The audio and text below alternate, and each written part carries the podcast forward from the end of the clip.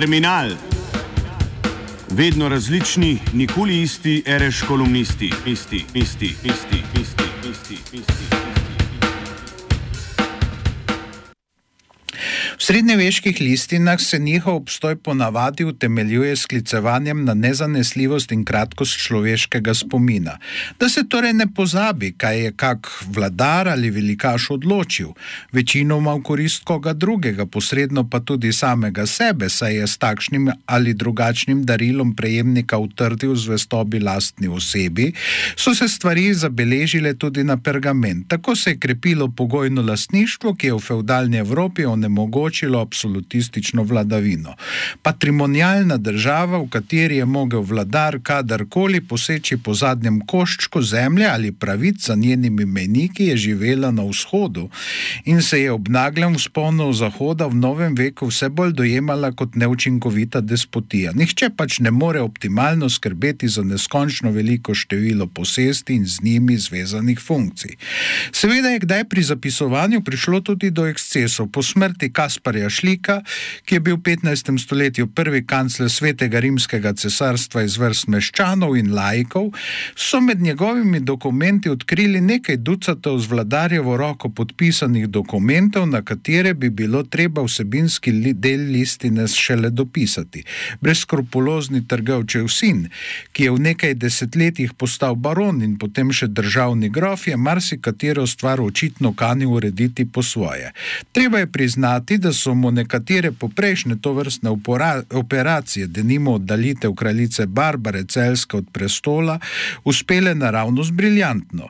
Zato pa so se mu druge grdo sfižile. Šlik tako brata Heinricha nikakor ni uspel zriniti na položaj frajzenskega škofa, s tem povezani spori pa so s časoma omajali tudi njegov kanclerski položaj. A praviloma se je vladarjem splačalo imeti pri sebi ukretne in zadovoljne pisce. Najprej zaradi neutraliziranja očitkov, kakršnih je bil v novem. V visokem srednjem veku deležen kronani analfabet Konrad II., ki ga je novaleška kronika kljub znatni politični spretnosti razglasila za nevedneža in budca, potem pa tudi zaradi ustvaritve kar najbolj mične lastne tekstne podobe. Ludvik XIV., ki je znal delati z mojstri Peresa, še danes velja za sončnega kralja, čeprav je dejansko bil netoleranten in vsestransko nezmeren rogovilež. Na večer življenja je celo sam ugotavljal, da je preveč ljubil vojno. Šele Winston Churchill je v razsežni okoli milijon besed obsegajoči biografiji svojega prednika Vojvode Melbruja, ki je izhajala med letoma 1933 in 1938, demistificiral njegove dosežke in pri pisanju o tiranu skrono uzrl v svoji sodobnosti njegovo potencirano nemško izdajo. V začetku se je malo kdo strinjal z njim, a kmalo po izidu zadnjega četrtega zvezka Panegirike v Vojvodi Melbruju je postal personalni simbol ene od strani v planetarni vojni, ki je po silovitosti močno presegla spopad za svetovno gospodstvo v dneh sončnega kralja. Vse to je dobro imeti v mislih tudi toliko in toliko let pozneje. Res je človeški spomin še vedno kratek, to da nepozabljenje vendarle pripomore k ozrtju pokvarjenosti ponarjevalcev stvarnosti.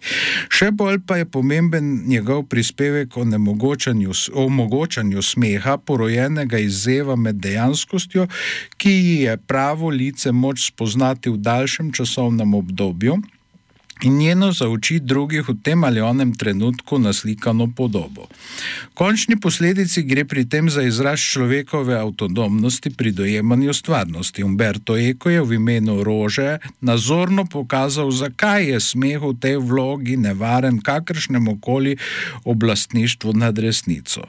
Človek lahko le obžaluje občasno pisateljevo neravno nesamoljubno razkazovanje strokovnjaške razgledanosti po srednjem veku na straneh tega mnogokrat zašifriranega, pa vendar kljub temu sporočilno jasnega romana.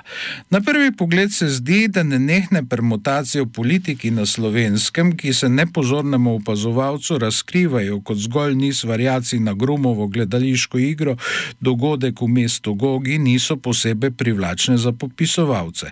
Kakšne velike spremembe v zamenjavanju dni nihče ne čuti. Predrugačevanja so zato, da vse ostane na svojem mestu, pa da občinstvo ploska in če je dovolj navdušeno, dobi za nagrado skrajno komprimirano ponovitev igre. Je potem takem, kdo lahko presenečen, če večina tukajšnjih zgodovinopiscev odlaša s tematizacijo zdaj že skoraj treh desetletij neodvisne Slovenije. Poprej so zmerom skušali v črke ujeti tudi tekočo stvarnost, pa čeprav se je enako kot dan danes zaradi neobstoja najmanj generacijske časovne distance izmikala možnosti globljega dojetja minulega dogajanja prek njegovih trajnih posledic.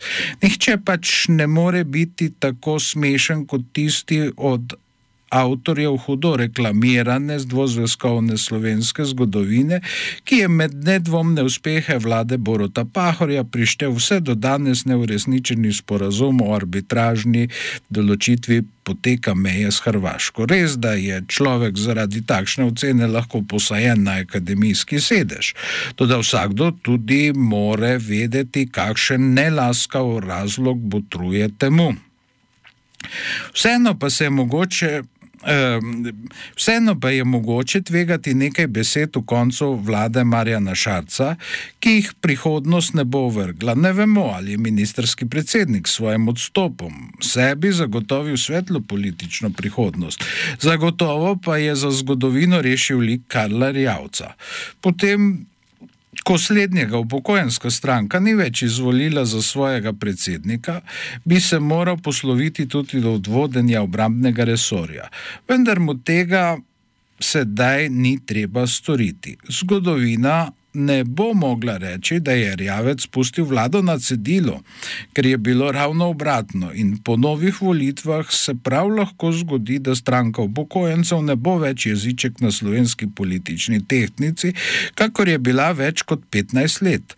Njen zaton ne bo povezan z Rjavcem. Tako bo lahko mož, ki je bil pravi virtuos v izkoriščanju lastnega podcenjevanja strani drugih, kar je največje darilo, ki ga lahko v politiki ki komu namenijo konkurenti, postal sinonim zvestobe. Čeprav je sodeloval praktično z vsakomer, vedno po svoje.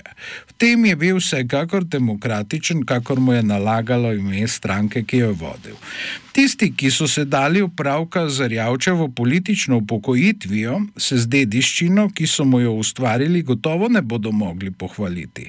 Veliko vprašanje je celo, če bodo sploh lahko poskrbeli za kakršno koli svoje nasledstvo. Odgovor na to vprašanje bo dal le čas, ki pa, kot pravi antični modrjan Seneka, na vse zadnje vse použije. Pa vendar je treba dodati, da je imel Rjavec dobro osnovo za svoje uspešnost uspešno stranko upokojencev, ki jo je Milan Kučan leta 2004 razglasil za anomalijo in ji napovedoval klavrno prihodnost, je postala pomembna že v času Antona Rausa. Mož, ki je kot absolutno pritrjevalnico rad uporabljal marsikje nerazumljivo in nelogično mariborsko formulacijo, menda jasno, ne, je zasedel v prvi vladi Janeza Janše nenavaden, a za slovensko politiko očitno ključen položaj bil je skrbnik koalicijske pogodbe. Do svoje funkcije je bil zelo uspešen, dokument je vzdržal celoten štiriletni mandat in zagotovil Sloveniji doslej najvišjo materialno raven v zgodovini, ki se še torej vrsto let ni in morda ne bo ponovila. Tudi v lestvicah najrazličnejših svoboščin je naša država tedaj zasedala uglednejše mesto kot v prejšnjih in poznejših časih. Ko so potem na sceno stopile nove moči in se Najmarkantnejša med njimi, Katarina Kresal, simptomatično ni mogla spomniti niti imena dokumenta, ki ureja medstrankarska razmerja pri vladanju, so prišli težki časi.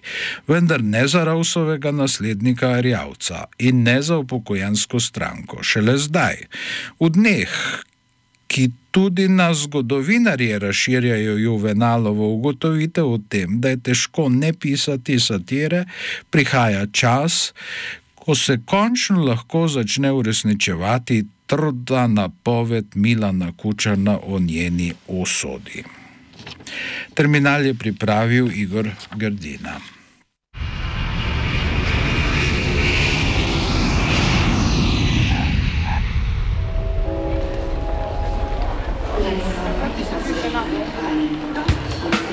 Terminal. Vedno različni, nikoli isti, reš kolumnisti, isti, isti, isti, isti, isti, isti. isti.